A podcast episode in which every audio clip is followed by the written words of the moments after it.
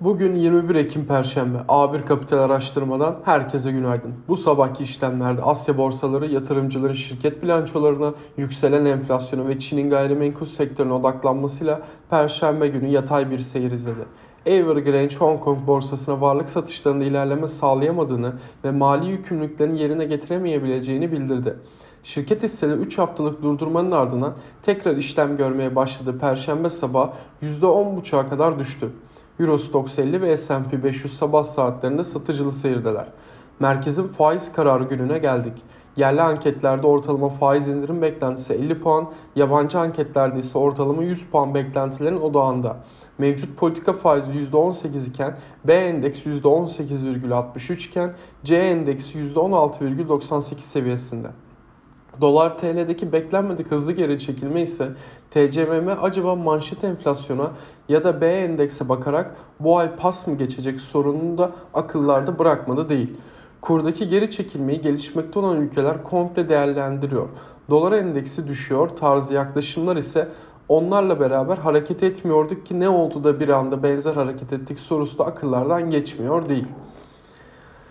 Bugünün manşette öne çıkan başlıklarına baktığımızda ise Washington Post gazetesinin haberine göre ABD Başkanı Biden'ın danışmanları milyarderlere vergi getirmeyi değerlendiriyorlar. Haberlere göre kurumlar vergisi artış planında Demokrat Parti içinde muhalefetle karşılaşan Biden yönetimi harcama paketinin finansmanı için alternatifleri ele alıyor. Cleveland Fed Başkanı Mester kısa vadeli faiz oranlarının bir arttırmanın başlamanın çok yakın olmadığına inandığını söyledi. Endekste son günlerde yükseliş eğilimi etkili olurken teknik göstergelerde pozitif görünüm sürüyor. Mevcut teknik görünüm kısa vadeli yükseliş eğiliminin devam edebileceğini gösteriyor. Ancak bugün saat 2'de açıklanacak olan faiz kararı önümüzdeki günler açısından yönde belirleyici olacaktır. Gün içi hareketlerde 1413 seviyesi ilk destek noktası olarak takip edeceğiz. Yükselen kanalın alt bandı konumunda olan bu seviyenin üzerinde pozitif bakışımızı sürdüreceğiz. Ancak 1413 desteğinin kırılması endekste bozulmayı arttıracağından mevcut pozisyonlar açısından 1413'ün altındaki hareketlerde kısa vadeli satal stratejisi izlenebilir. 1437 ve 1457 seviyeleri ise kısa vadeli dirençler olarak takip edilebilir. Bugünün gündemine baktığımızda yurt içinde haftanın en önemli gündemi TCM ve faiz kararı. TCMM Eylül toplantısında faizleri piyasanın beklenmediği bir şekilde 100 bas puan aşağı çekerek %18 seviyesine indirmişti. TCMM ve TÜİK tarafından ortaklaşa hazırlanan tüketici güven endeksi verisi de izlenecek.